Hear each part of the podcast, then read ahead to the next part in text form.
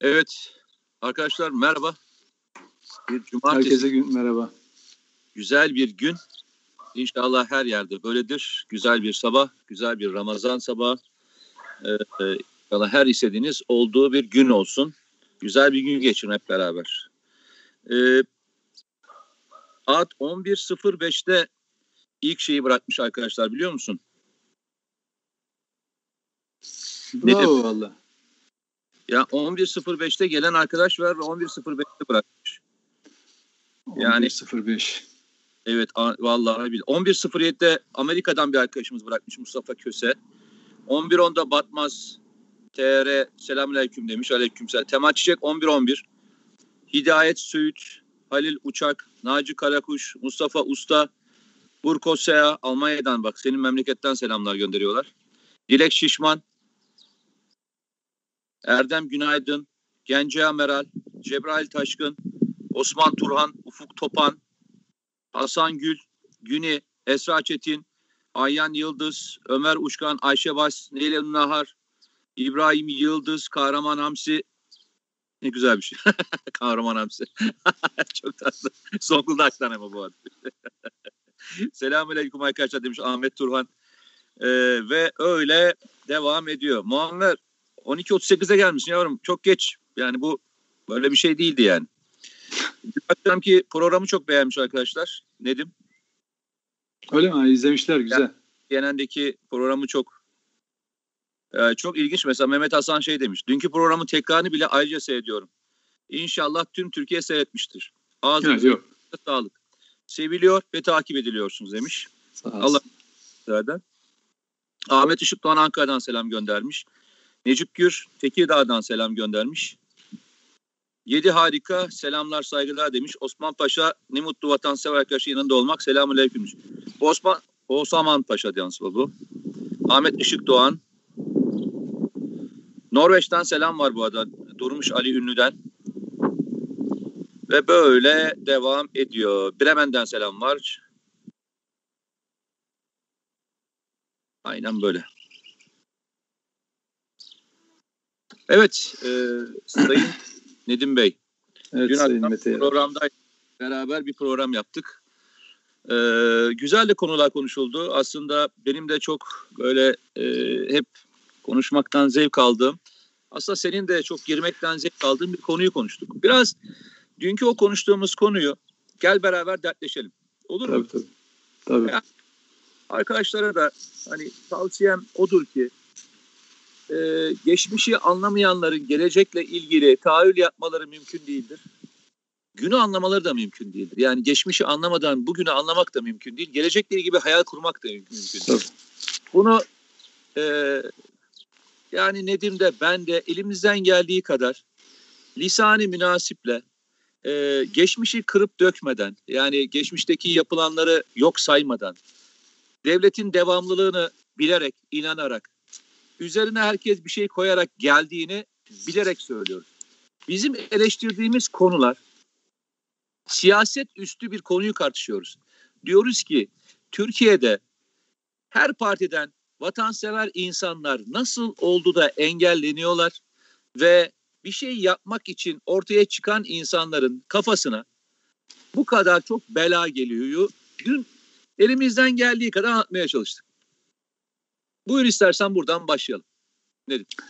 Şimdi e, Güzel bir Bu cumartesi sohbeti yapalım. 15 Temmuz şimdi e, unutmamak çok önemli. Hatırlamak çok önemli. Bütün bu yaşadıklarımız tarihin tekerrür etmesi hep tarihimizi unutmamızdan e, unutturulmasından Ben bir şey kaynaklanıyor. söyleyeyim mi? Yanlış anlama. Unutmak için önce bilmek lazım. Ya ben tabii. bildiğimizi bile zannetmiyorum. Tabii o, o aşaması da var olayın. Ee, ama şöyle toplumsal hafızada unutturuluyor. Birilerinin Ha. hatırlamasını beklersin. Bilen birileri var. Ama toplumda hani şöyle bireylerin bireyler bilmeyebilir. Yaşı gençtir e, falan ama toplumsal hafıza bundan 30-40 yıl öncesini unutmuş yani hatırlayamıyor. Yani bu üst meselesi tartışmalarında kim kimdir, nerede hangi rolü oynamıştır, gerekçesi nedir falan unutuyor. 15 Temmuz e, çünkü ben bunu gördüğüm için yani o dönemleri de biliyorum. özellikle PKK terörünün e, Türkiye'ye maliyeti ve bu hiç olmamış gibi yaşayan insanları da biliyorum. Hatta onları kahramanlaştıranları, kö- köşe yazarlarını, gazetecileri de tanıyorum, biliyorum. Okuduk hepsinde. Ee, ve 15 Temmuz'dan sonra da bunun böyle yürüyeceğini e, şöyle söyleyeyim, öngörebilmiştik. Hatta beraber programdaydık. Bundan iki yıl, iki buçuk yıl önce. Şöyle demiştim ben, 15 Temmuz bir dernek adı olarak kalır, şehitlerimiz de rakam olarak hatırlanır diye. Oysa öyle öyle olmamalı işte. Cumhurbaşkanı Erdoğan zaman zaman der ya, e, acımayın acınacak hale gelirsiniz diye. Ben onu şöyle her zaman tekrar ettim. Burada yine tekrar edeyim ki derdimiz, anadımız anlaşılsın. Ben onu çeviriyordum. Çünkü biz insana insana insana insana dair bir duygudur acımak. Ee, kendinden daha mağdur olana yardım etmek. Onun acısını paylaşmak. Acımak derken küçümsemek anlamında değil. Acısını paylaşmak. Acımak yani içimin acıması. Onun derdiyle benim acımam. Acımak böyle bir şeydir. Yoksa şey değil, aa zavallı falan değil. Ben onunla acıyorum. İçim onunla onun derdiyle yanıyor demektir acımak. Şimdi acırsanız Şimdi ben olaya şöyle yaklaştım o zaman. Dedim ki ya o değil biz insanız. Acıma duygumuz var bizim içimizde. Acır içimiz bizim insanız biz de. FETÖ'cülerden farkımız budur. Ama unutmamalıyız. Eğer unutursak asıl acınacak hale geliriz diye. Ve bugün dönüyoruz, dolaşıyoruz. Bu yaptığımız tartışmalarda Amerika ile ilişkiler konusu da olsun, bu soykırım tartışmaları da olsun. Hep unuttuğumuz için biz acınacak hale geliyoruz. Dün akşam e, Uluç Bey ile Mesut Bey öyle ilginç anları üstü kapalı da olduğu halde anlattıklarında yani zaten içinde bulunduğum ruh halini biraz daha ağırlaştırdılar gerçekten. Yani zaten e, Türkiye'de 1940'ların sonundan itibaren bir Amerikan projesi almış başını gidiyor. Üniversitesi, akademisi, işte e, STK'larıyla bir beşinci kol faaliyeti yürüyor. Amerikalılardan daha fazla Amerikancı. Amerika'dakilere, Amerikalıların yazdıklarını yazamayacak Türkiye'de Amerikancılar var. Ondan sonra onları da görüyoruz, gördük, yaşadık. Yani bunlar parayla da beslenen tipler. Ee, ve ve ben ülkem üzerine çok çok üzüldüm. Yani ne zamana kadar ama bu şöyle şu bir şey değil. Ben bugün oturup da bununla üzülüyorum. Ülkem mahvoldu falan değil. Biz en e, umutsuz andan umut doğuran bir milletiz. Çünkü neden? 15 Temmuz gibi çok çok çok çok önemli bir tarih, bir olay yaşadık. Şimdi bunu insanlar gerçekten bakın ben bu 15 Temmuz'u 15 Temmuz direnişine katılanlar tarafının bir kısmı tarafından da anlaşıldığını yine zannetmiyorum. Ya bu nasıl bir şuurdur biliyor musunuz? Bak nasıl bir bilinçtir? Üç muhtıra, üç darbe yaşamış Türkiye Cumhuriyeti tarihinde bir halk elinde hiçbir şey olmadan ya Hani birileri dalga geçiyor ya terlik fırlattılar F-16'yı. Evet arkadaş terlik fırlattılar ya. Atlet mi tıkadılar? Tıkadılar kardeşim ya. Tankın altına mı yattılar? Evet ya. Bombaya, şey uçaklara taş mı fırlattı? Evet fırlattılar. Birileri güldü onların bunu bunu yaptıkları için. Ama öyle bir şuurdur ki bu. Bak bugün ben şunu çok rahatla millete dönüyorum diyorum ki birisi ağzına demokrasi lafını aldığı zaman Diyorum ki 15 Temmuz'da demokrasi en büyük saldırı altına girmişti, altındaydı. Sen ne yapıyordun ki bu milleti küçümsüyorsun? Bugün demokrasiden bahsediyorsun. Akademisyeni, efendim, e, siyasetçisi falan. Hangi demokrasiden bahsediyorsun ya? Hangi demokrasiden bahsediyorsun? Yani kendi parti demokrasiden tartışmıyorum bile. Ama hangi demokrasiden bahsediyorsun? 15 Temmuz'da neredeydin? Hangi lider neredeydi? Bana çıksın söylesinler. Muhalefet liderleri. Hadi söylesinler bakalım. Demokrasiden her gün demokrasiden bahsediyorlar. Ama bu millet 15 Temmuz'da öyle bir şey yaptı. Şimdi dolayısıyla bizim bunu hep anlatmamız, hep hatırlamamız gerekiyor. Yani şöyle bir insana ömür boyu yeter ya 15 Temmuz'da durduğun yer bir insana var ya ömür boyu yeter ya ben o gün oradaydım demek var ya yeter ya onun öncesini ve sonrasını yok say. Onunla böyle gözünü açtığın an ben o gün oradaydım dersin. Öyle bir mutlu olursun ki o seni öyle bir enerji verir ki Başka bu dünyada başka bir şey yapmana da gerek yok kardeşim. Ama bu şuurda olacaksın. Oturup da ya bizim maaşları vermediler, para topladılar, vermediler, gazilik maaşını şöyle yaptılar, bilmem ne yaptılar falan değil. Tamam? Bu iş paraya tahvil edilecek bir mesele değil. Bak pençe harekatlarında şehitlerimiz geliyor. Kim paradan bahsediyor? Hangi şehit, hangi gazi ailesi paradan söz ediyor? Bilincinizi oraya ne yapıyor muhalefet? Hiç 15 Temmuz'la ağzını almazlar. Hatta kontrollü darbederler. Ama çıkıp da kürsüden ne diyorlar? Bu gazilerin, şehitlerin paraları, vakıfların paraları ne oldu? Ya kardeşim 15 Temmuz para, parayla konuşulacak bir konudur. Yani buraya geldim kusura bakmayın. Şunu söylemeye çalışıyorum. Toplumsal hafızamız diri tutulmalı. Amerika ile yaşadıklarımız topluma defalarca anlatılmalı. Çünkü biz devam eden bir senaryonun içinde bulunuyoruz. Bu coğrafyaya 1071'de gelmişsin ama seni buradan çıkarmak için, bizi buradan çıkarmak için her gün plan yapıyor emperyalizm. Her gün. Bunun en sonunu harita üzerinde yaptılar. Anlayın arkadaşlar Serv Anlaşması dediğiniz şey önünüze konmuş. O zaman Kürdistan'da işte Ermenistan'da, bilmem Fransızlara bölgeydi, İngilizlere bölgeydi, İtalyanlara bölgeydi. Ülkenizi paramparça etmişlerdi ya.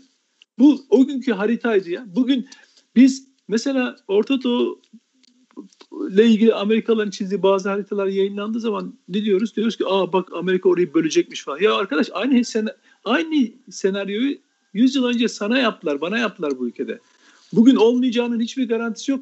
Bugün tam da o haritanın yere serilmiş haritada ufak ufak ince ince hesaplar yapılıyor.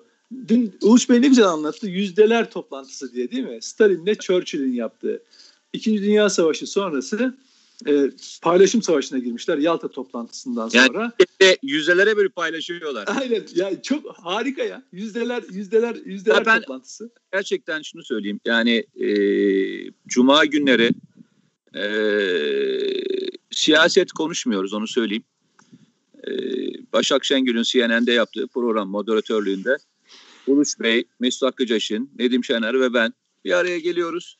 Saat 8.45'te başlıyoruz saat e, 1'e kadar güncel konuları geçmişten bugüne kavga etmeden e, güzel bir şekilde anlatmaya çalışıyoruz. E, ben tavsiye ederim. Bekleriz. Yani o gün için Nedim'le yaptığım için söylüyorum. Daha yaptığım programlar da var. TVNet'te de e, aynı şekilde tartışmada yaptığımız bir program var. E, çarşamba günde yine katıldığımız programlar var. Ama konsept olarak birbirinden farklı konseptler ama bu konseptteki konu Yalnızca şey e, dış politika ve e, yaşanacak olan e, durumlar. Nedim çok güzel bir şey söyledin. E, açıkçası ben bunu daha önceki köşe yazılarımda da yazmıştım. Yani bir ara hatırlarsan köşe yazıyordum. E, o dönemde yazdıklarımdan en önemliden bir tanesi şuydu. Brezilya devlet başkanının başına gelenlerle e, Sayın e, Cumhurbaşkanı'nın süreci birbirinin neredeyse aynıdır. Sen takip etmişsindir muhtemelen. Tabii tabii. Luna'nın e, indirilme operasyonuyla e, Türkiye'deki operasyon birebir aynıdır. Her şeyiyle. Orada da polis ve yargının olduğu bir operasyonla Cumhurbaşkanı indirilmeye çalışıldı. Çünkü orada sistem farklı. Türkiye'de de o dönem başbakan indirilmeye çalışıldı. Sayın e, o zaman başbakandı Tayyip Erdoğan. Her şey aynı ama bak. Ben Tabii. sana fotokopi operasyon. Zaten sen de diyorsun ya Amerikalılar o kadar e, kendilerine özgüvenleri var ki toplumların Tabii. aynı şeye tuzağa o kadar düşeceklerini biliyorlar ki hiç değiştirmiyorlar planlarını. Şöyle Mete. Hatta şunda, adamları bile değiştirmiyorlar. Şöyle Mete şunu biliyorlar. Hani suç işleyince mafyada temizlik temizleyici diye bir grup var ya. Evet. Olay yerini temizliyorlar. Yani geliyor adam katliam yapıyor ya da cinayet işliyor. Hı hı. E, temiz bazen filmlerde de konu oluyor böyle. Temizleyiciler var. Amerika bir suç işlediği zaman o ülkedeki ajanları, yerli işbirlikçileri temizleyicilik yapıyorlar. Hemen ne yapıyorlar? Diyorlar ki ya sende de iyice Amerikan fobisi var. Anti Amerikancılık, e, şey paranoya, artık işte, siz tam oraya gel. Tabii, tam abarttınız oraya... diyerek silicilik yapıyorlar tamam mı? Ama, o, Bunu tam Türkiye'deki oraya yazar çizer takımı yapıyor Amerikancılar. Bak, tam oraya geleceğim. Bu lafı söyleyenler Brezilya'daki e, Cumhurbaşkanı indirilme operasyonu bir anti-emperyalist müdahale olarak değerlendiriyor. Daha doğrusu emperyalist bir müdahale olarak değerlendiriyorlar. Ve Brezilya halkını Amerika'nın bu müdahalesine karşı anti-emperyalist bir duruş sergilemeye e, bunu böyle yazıyorlar tamam Tabii. Türkiye'ye gelince olay şöyle geliyor. Çok komplo kuruyorsunuz. Çok hiç mi Amerika'yla Amerika Türkiye'deki durumlara müdahale etmiş olamaz mı? Ya ve aynı şahıslar ya yemin Tabii. ediyorum ben bu köşe yazımda böyle yazdım. Tabii. Dedim ki bir olaya bir olaya bu kadar e, iki gözlükle bakabilme yeteneği sorunlu ya. Gerçekten sorunlu. Ve biliyorsun oradaki olayda daha sonra bir Amerikan müdahalesi olduğu ortaya çıktı. Nedendi? Evet. Amerikan e,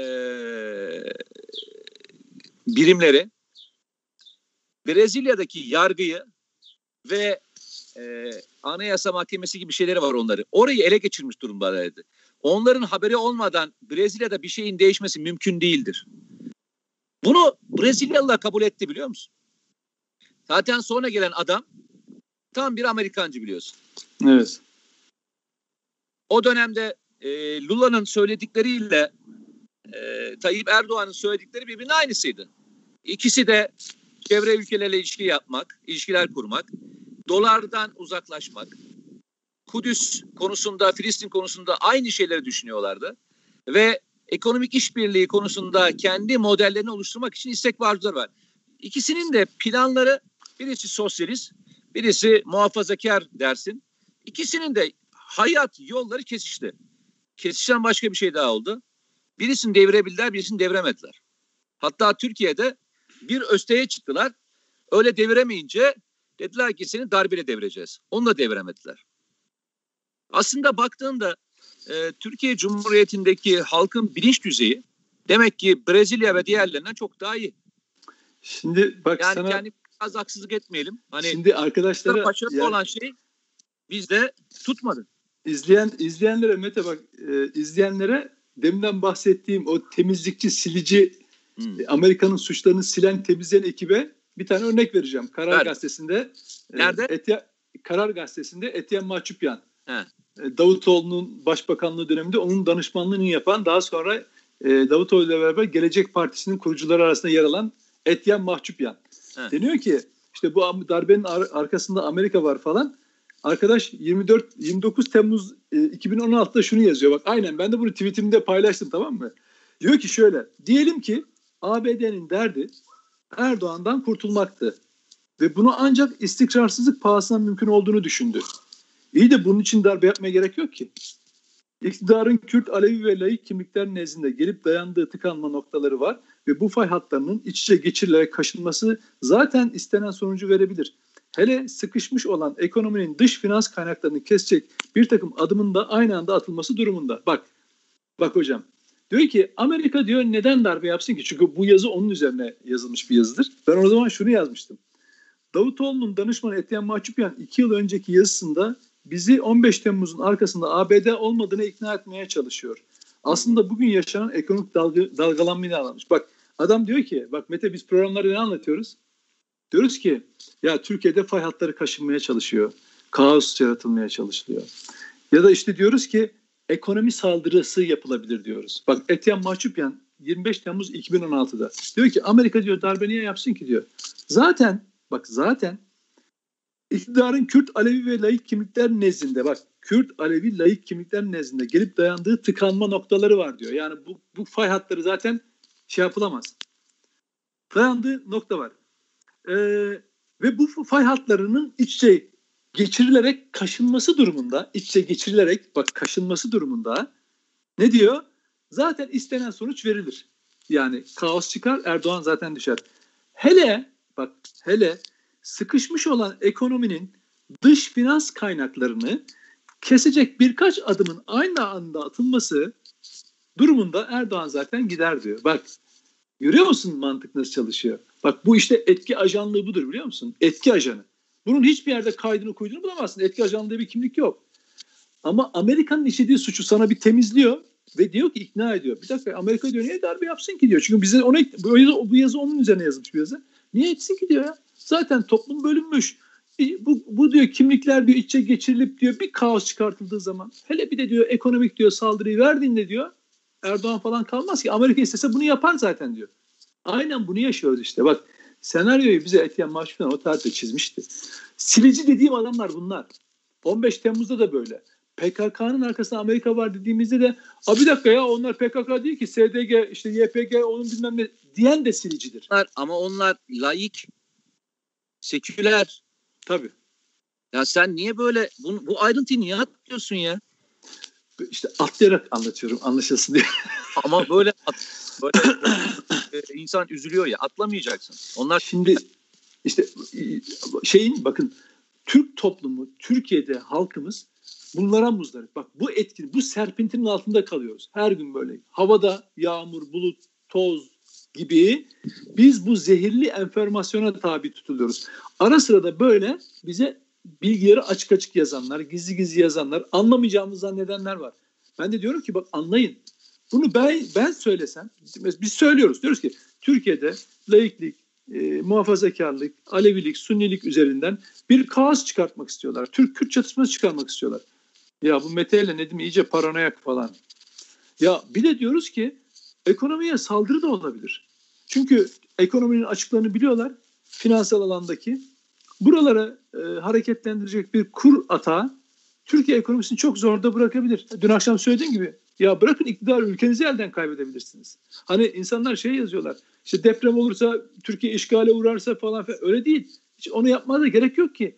Bir ülkeyi fiilen işgal etmenize gerek yok yani. Bugün çünkü o maliyetli bir şey bir de onu tutamazsınız. Ekonomik olarak işgal ettiğiniz zaman hele hele zihinleri böyle işgal etmişseniz zaten onlar size doğrudan akar. Onlar size kul kölelik yaparlar yani. Emperyalizm öyle çalışır. Emperyalizm bunu düşünenler kadar aptal değil. Onun onun onun tecrübesi ve bilgi birikimi herkesten daha fazla. Hangi toplum ne yapar, reaksiyon nedir? Ee, onları ölçerek hareket ediyorlar. Dolayısıyla bunları biz söylesek senden bize vay arkadaş bunlar komple teorisyeni falan derler değil mi? Bak Ethem Mahçupyan 29 Temmuz 2016 neyin? Darbeden kaç gün sonra abicim? 10 15 10 2 hafta sonra. Yani Şimdi bizi bizi bizi şeye bizi Ethem Mahçupyan ve takımı bizi darbenin arkasında Amerikan olmadığını ikna etmeye çalışıyor. Dolayısıyla bu siliciler var. Bu siliciler zihnimizi işte silmesin. Hani cümlenin başı oradan geliyor. Yani konuşmamızın başında unutmayalım. Çünkü Amerika'nın bak dün biz neyi konuştuk? Amerika Birleşik Devletleri bugün günlük ilişkileri konuşuyoruz. Haşhaş ekimi sırasında bize haksızlık etmiş. Haşhaş ekiminde ambargo koymuş. Kıbrıs Barış Harekatı'nda hakkımızı ararken ambargo koymuş. 3 yıl bu ambargo sürmüş ve aynı anda suikastler, aynı anda ekonomik saldırılar ve Türkiye'de tüp, gaz, yağ işte kuyrukları oluşmuş. Düşünün Türk iş bir Türk iş kurumu işte Ecevit hükümetine TÜSİAD ilan yayınladı ya. Görevi bırak falan filan diye o tarihlerde. Öyle yürüdü işler. Yani bütün ajanlarıyla siyasete müdahale etti. Ondan sonra sonu neyle bitti? Askeri darbeyle bitti. Şimdi dolayısıyla karşımızda bu yaşın sonra gelelim 90'lara. Rusların elinden zamanda aldığı e, Kürt kartını PKK üzerinden devşirmeye 90'ların sonunda Öcalan'ı verdi. Ondan sonra PKK terör örgütünü desteklemeye başladı. Çünkü Öcalan Öcalan'ı teslim etti ama Kandil'i yönetmeye de e, başladı. Ondan sonra malum yaşadığımız süreçler bugün PKK ve FETÖ'ye olağanüstü destekler vererek Türkiye'yi yıpratmaya çalışıyor. Biz geçmiş dönemden bunları hatırlamadığımız için bugün yaptığının bugün yaptığını çok lokal bir olay olarak görüyoruz. Nedim bir dur. Nedim bir dur. Biz devamlı şunu konuşuyoruz ama orada bir ayrıntıyı hep beraber konuşmakta yarar var. 1991 yılında çekiş güç harekatı başlayınca PKK'ya güvenli alan yaratıldığında e, o dönem Abdullah Öcalan'ın bulunduğu yer neresiydi? Şam'dı. Yani neyin kontrolündeydi? Suriye'nin kontrolündeydi. Yani bir taraftan da Amerika dışında kontrol edilebilecek bir noktada değildi. Bir taraftan e, PKK üzerinde nüfuz elde etmeye çalışan bir yapı konu düşünüyorsun çekiş güçle beraber. Bir taraftan da Abdullah Öcalan. Herkes onu atlıyor. Abdullah Öcalan Şam'dan çıkartılarak aslında başka bir şey daha elde edildi. Terör örgütünün başının nüfus etme yeteneği de kaldırıldı elinde, alındı. Yani Suriye bloğunun veya Rusya bloğunun kontrolü de elinden alınmaya çalışıldı. Bu taraf hep atlanır. Dikkat et PKK'nın e, 2000'lerden sonraki stratejisine baktığında neredeyse e, ortak hareketliği yani e, bu şey savaşına dahil olmak üzere 2003'teki savaşta dahil olmak üzere Blackwater gibi şirketlerde PKK'lıların e, çalıştığını hepimiz biliyoruz. önden e, mayın e, eşya olarak gönderildiğini de biliyoruz. Tamam mı? Orayı atlıyoruz. Oradaki 98 yılındaki stratejisi aslında biraz daha farklı bir stratejiydi. Bugün e, aynı e, Duran Kalkan, işte Murat Karayılan e, gibi kişilere e, beşer milyon dolar başlarına ödül koymaları gibi. Şimdi düşünebiliyor musun? Şu tezatı konuşmayalım mı? Bir taraftan PYD'yi destekliyorsun. Onun içinde PKK'lılar var. Ama öbür tarafta e, PKK'nın başındaki adamlara liste koyuyorsun. Peki o adamlar kim? O adamlar da İran yanlısı adamlar. Hala işi çözerken biraz böyle stratejiye bakmak ve küçük küçük anekdotlar anlatmak lazım geldiğini düşünüyorum ben insanlara. Tabii. Yani aslında çok açık. Abdullah Öcalan'ın neden e, hani diyor bize niye verildi sorusunun cevabı çok açık aslında. Abdullah Öcalan neden verildiği sorusunun cevabı Şam kontrolünden çıkartılmasıydı. Öyle yani. Buyur devam evet. Şimdi özür dilerim. Şimdi bugün e, yaşadıklarımıza baktığımız zaman bunun bir geçmişi olduğunu e, ve sürekli Türkiye'nin e, bu ilişkide yani ikili ilişki bağlamında Amerika tarafından küçümsenen, hor görülen bir yere doğru sürüklendiğini görüyoruz. Bunun e, terse döndüğü tarih fiilen de, hukuken de, siyaseten de 15 Temmuz 2016. Ben bunu hep böyle adlandırıyorum. O günden beri itibar, o günden beri bakın. Özellikle Milliyetçi Hareket Partisi ile AKP'nin işte oluşturduğu ittifak, onun yarattığı sinerji, onun yarattığı strateji, onun yarattığı e, daha bağımsız, kendi kara, kendi menfaatini kendisi koruyan, çok özür dilerim, kendi çıkarları için sadece e, çalışan bir Türkiye oluşmaya başladı. Şimdi bizim işte zihnen buna hazır olmamız lazım. Biz ben ne dediğimi çok iyi biliyorum. Ne olduğunu da görüyorum. Mesela ne biliyor musunuz? Bu Türk milletinin içindeki o cevheri çıkarmak, oraya hitap etmek. Bu var. Bir şık, el şıklatma gibi. Bir efendim bir bir bir mesaj, bir topluma seslenmek gibi. Bir anda toplanıp her şeyi yapabilen şu son 2016'dan beri yani insanın e, Türkiye adına yapılan e, çalışmalara gerek savunma sanayinde gerek uluslararası anlamda hak arama mücadelesi anlamında gerek e, yabancı ülkelerle ilişkileri konusunda insanın göğsünü kabartmıyor mu kardeşim? Evet. Bak bir ülke bir yurttaş olarak insan bundan gurur duyar. Ve bu umarım inşallah bugünkü gençlerin benliğinde ve beyninde ve ruhunda bir bağımsızlıkçı ruh oluşturur itaatçi değil. Çünkü biz itaat edenleri, biat edenleri de görüyoruz. Bugün Türkiye'nin en büyük karşılaştığı mesele Amerika'ya eskisi gibi biat etmeyişi. Bak bunu söylerken 2016 öncesi bütün hükümetleri buna içine AKP'yi de katarak daha önceki koalisyonları da Demirel Ecevit'i kim varsa katarak söylüyorum. Ta 40'ların sonuna kadar götürüyorum olayı. Olay çünkü bu öyle kuruldu. Bu ilişki öyle Amerika bu coğrafyaya öyle yerleşti.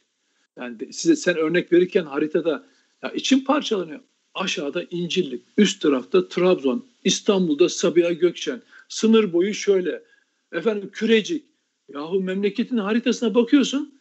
Amerikalılar her yerde kardeş. Ve adam Körfez şeyi sırasında Saddam müdahale sırasındaki o muafiyetleri dillendirmeye dilleri varmadı e, Uluç Beyleri falan. Ülke elden gidiyordu ya. Ülke elden gidiyordu kardeşim. Siz emperyalizmle böyle bir ilişkiye girerseniz ülkenizi böldürürsünüz. Bugün iktidarın o zaman yaptığı hatalar daha sonra dönüldü.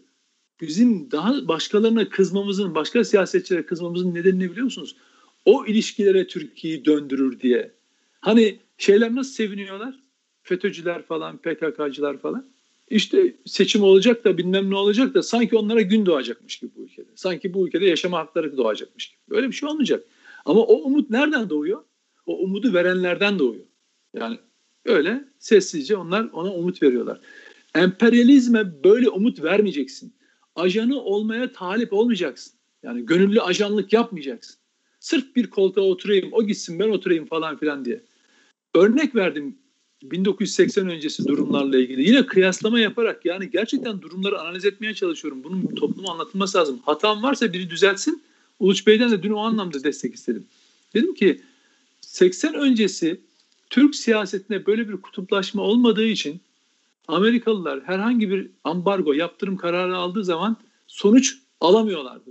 O yüzden darbe e, süreçlerini tetikliyorlardı.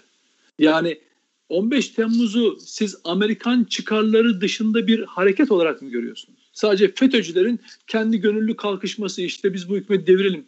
Hayır değil. Amerika'nın tekerine 2013'ten itibaren Suriye'de çomak sokarsan adam ülkede iktidarı değiştirmek ister tabii. Haşhaş, Haşhaş Ekim'inde nasıl 12 Mart 1971 muhtırası yaşandıysa, Kıbrıs Barış Harekatı'ndan sonra kademeli olarak nasıl 12 Eylül darbe süreci geldiyse, 60'larda 60'ların sonunda 6. filoyu e, olayı yaşandı. Amerika bunun bedelini 71'de muhtırayla ödettiyse kendince. Yani buldu. Çünkü içeride askerlerin içinde ajanı mı yoktu ya? Devşirilmiş adam dolu. Bugün işte bazı bildirilerde insanların endişe duyması o. FETÖ'cüler, müfteciler değil de bu NATO tedrisatına geçmiş insanların her şeyi yapabileceğini insanlar, bağlantıları olabileceğini düşünüyor, endişe ediyorlar. Şimdi dolayısıyla 15 Temmuz bu anlamda çok önemli. Şimdi dolayısıyla biz bugün döneceğiz.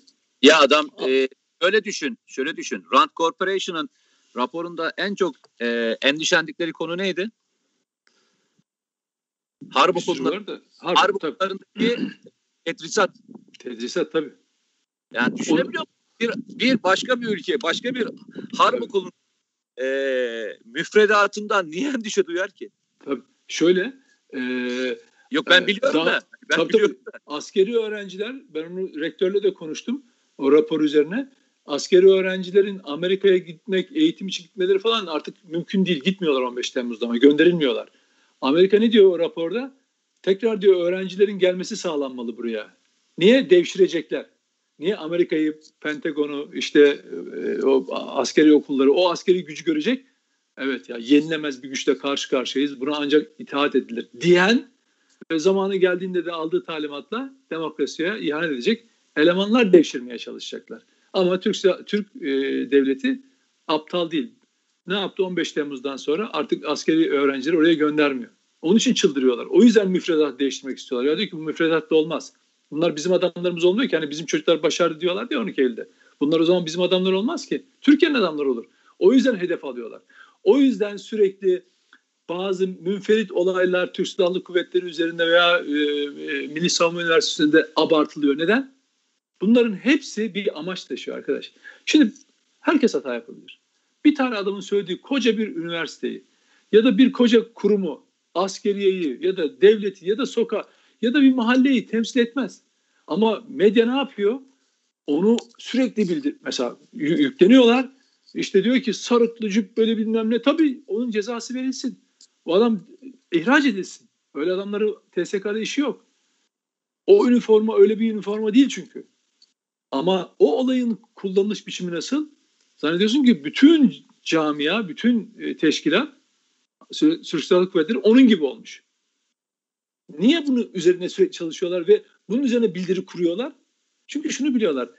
Ethem Açbiyan yazmış ya nasıl ülkede diyor Alevi, Sünni, laik, muhafazakar diyor fay hatları var diyor. Bunları diyor birbirine bir geçirirsen diyor. Amerika zaten isteğine başarılı olur diyor yani. Ya hocam oyun o kadar açık ki o kadar açık bak 50 yaşıma geldim 55 yaşına geldim neredeyse. Ya bu oyunu kaç defa gördüm ben ya. Ya bunu hani insanlara o yüzden genç arkadaşlara söylüyor bunu anlatmaya çalışıyorum. Süze süze süze anladıklarımı anlatmaya çalışıyorum. Eksiğim varsa tamamlasınlar. Yanlışım varsa düzelsinler. Lütfen düzelsinler. Ama gördüğüm bundan başka bir şey değildir. Zaten gelişmelerde teyit ediyor ve ben şunu söylemekten şey yani söylemiyorum da ya biz bunu söylemiştik.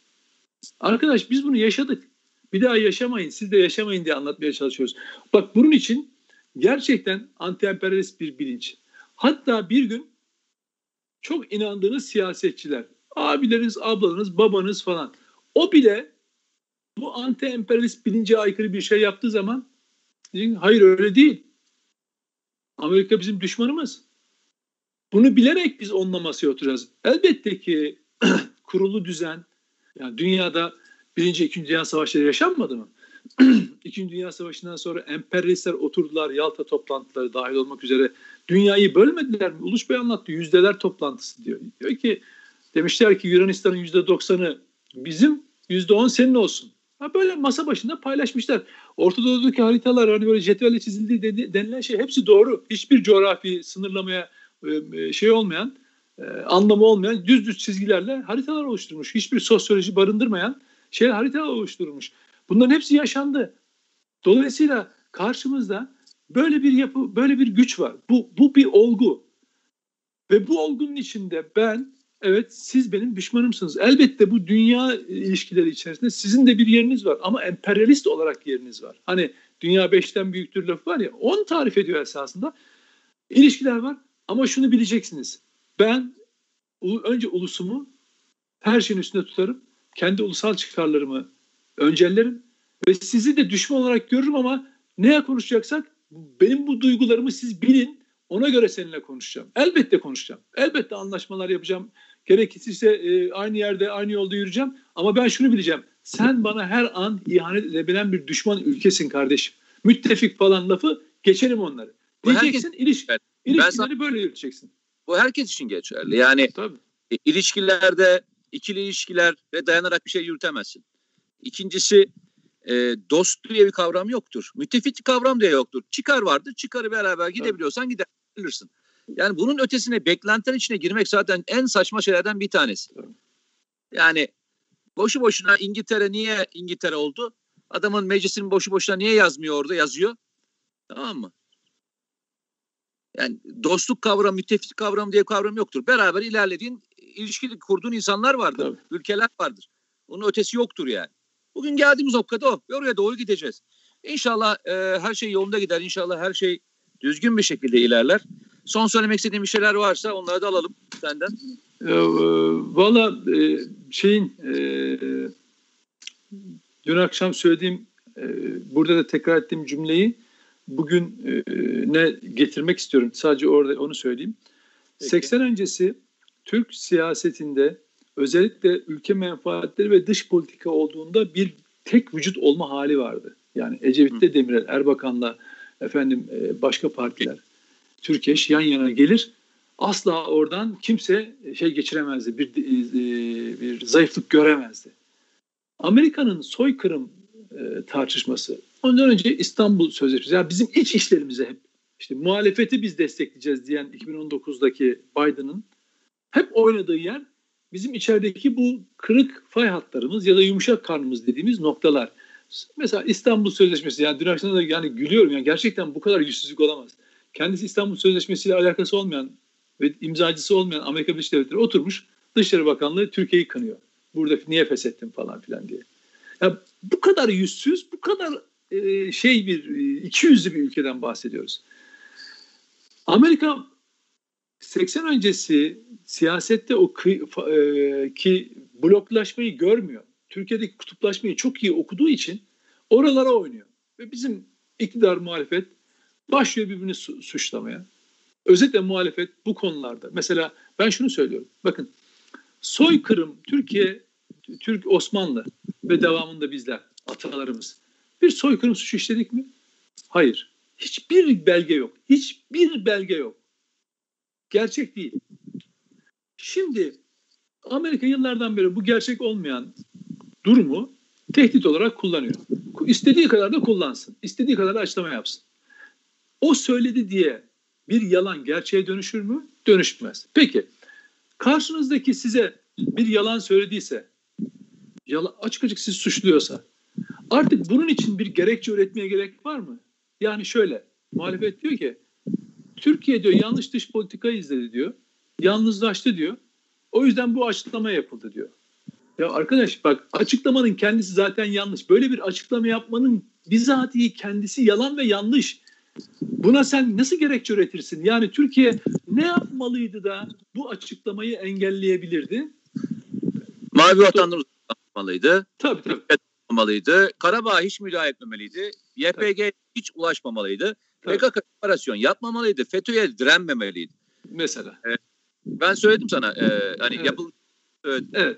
Burada bitirelim. Şimdi oturup tabii oturup birileri de bunun üzerine yazı yazıyor ya. İnanamıyorum. Arkadaş bak diyorum ki ben de günlerden beri arka, bu açıklamanın kendisi yalan. Yalan.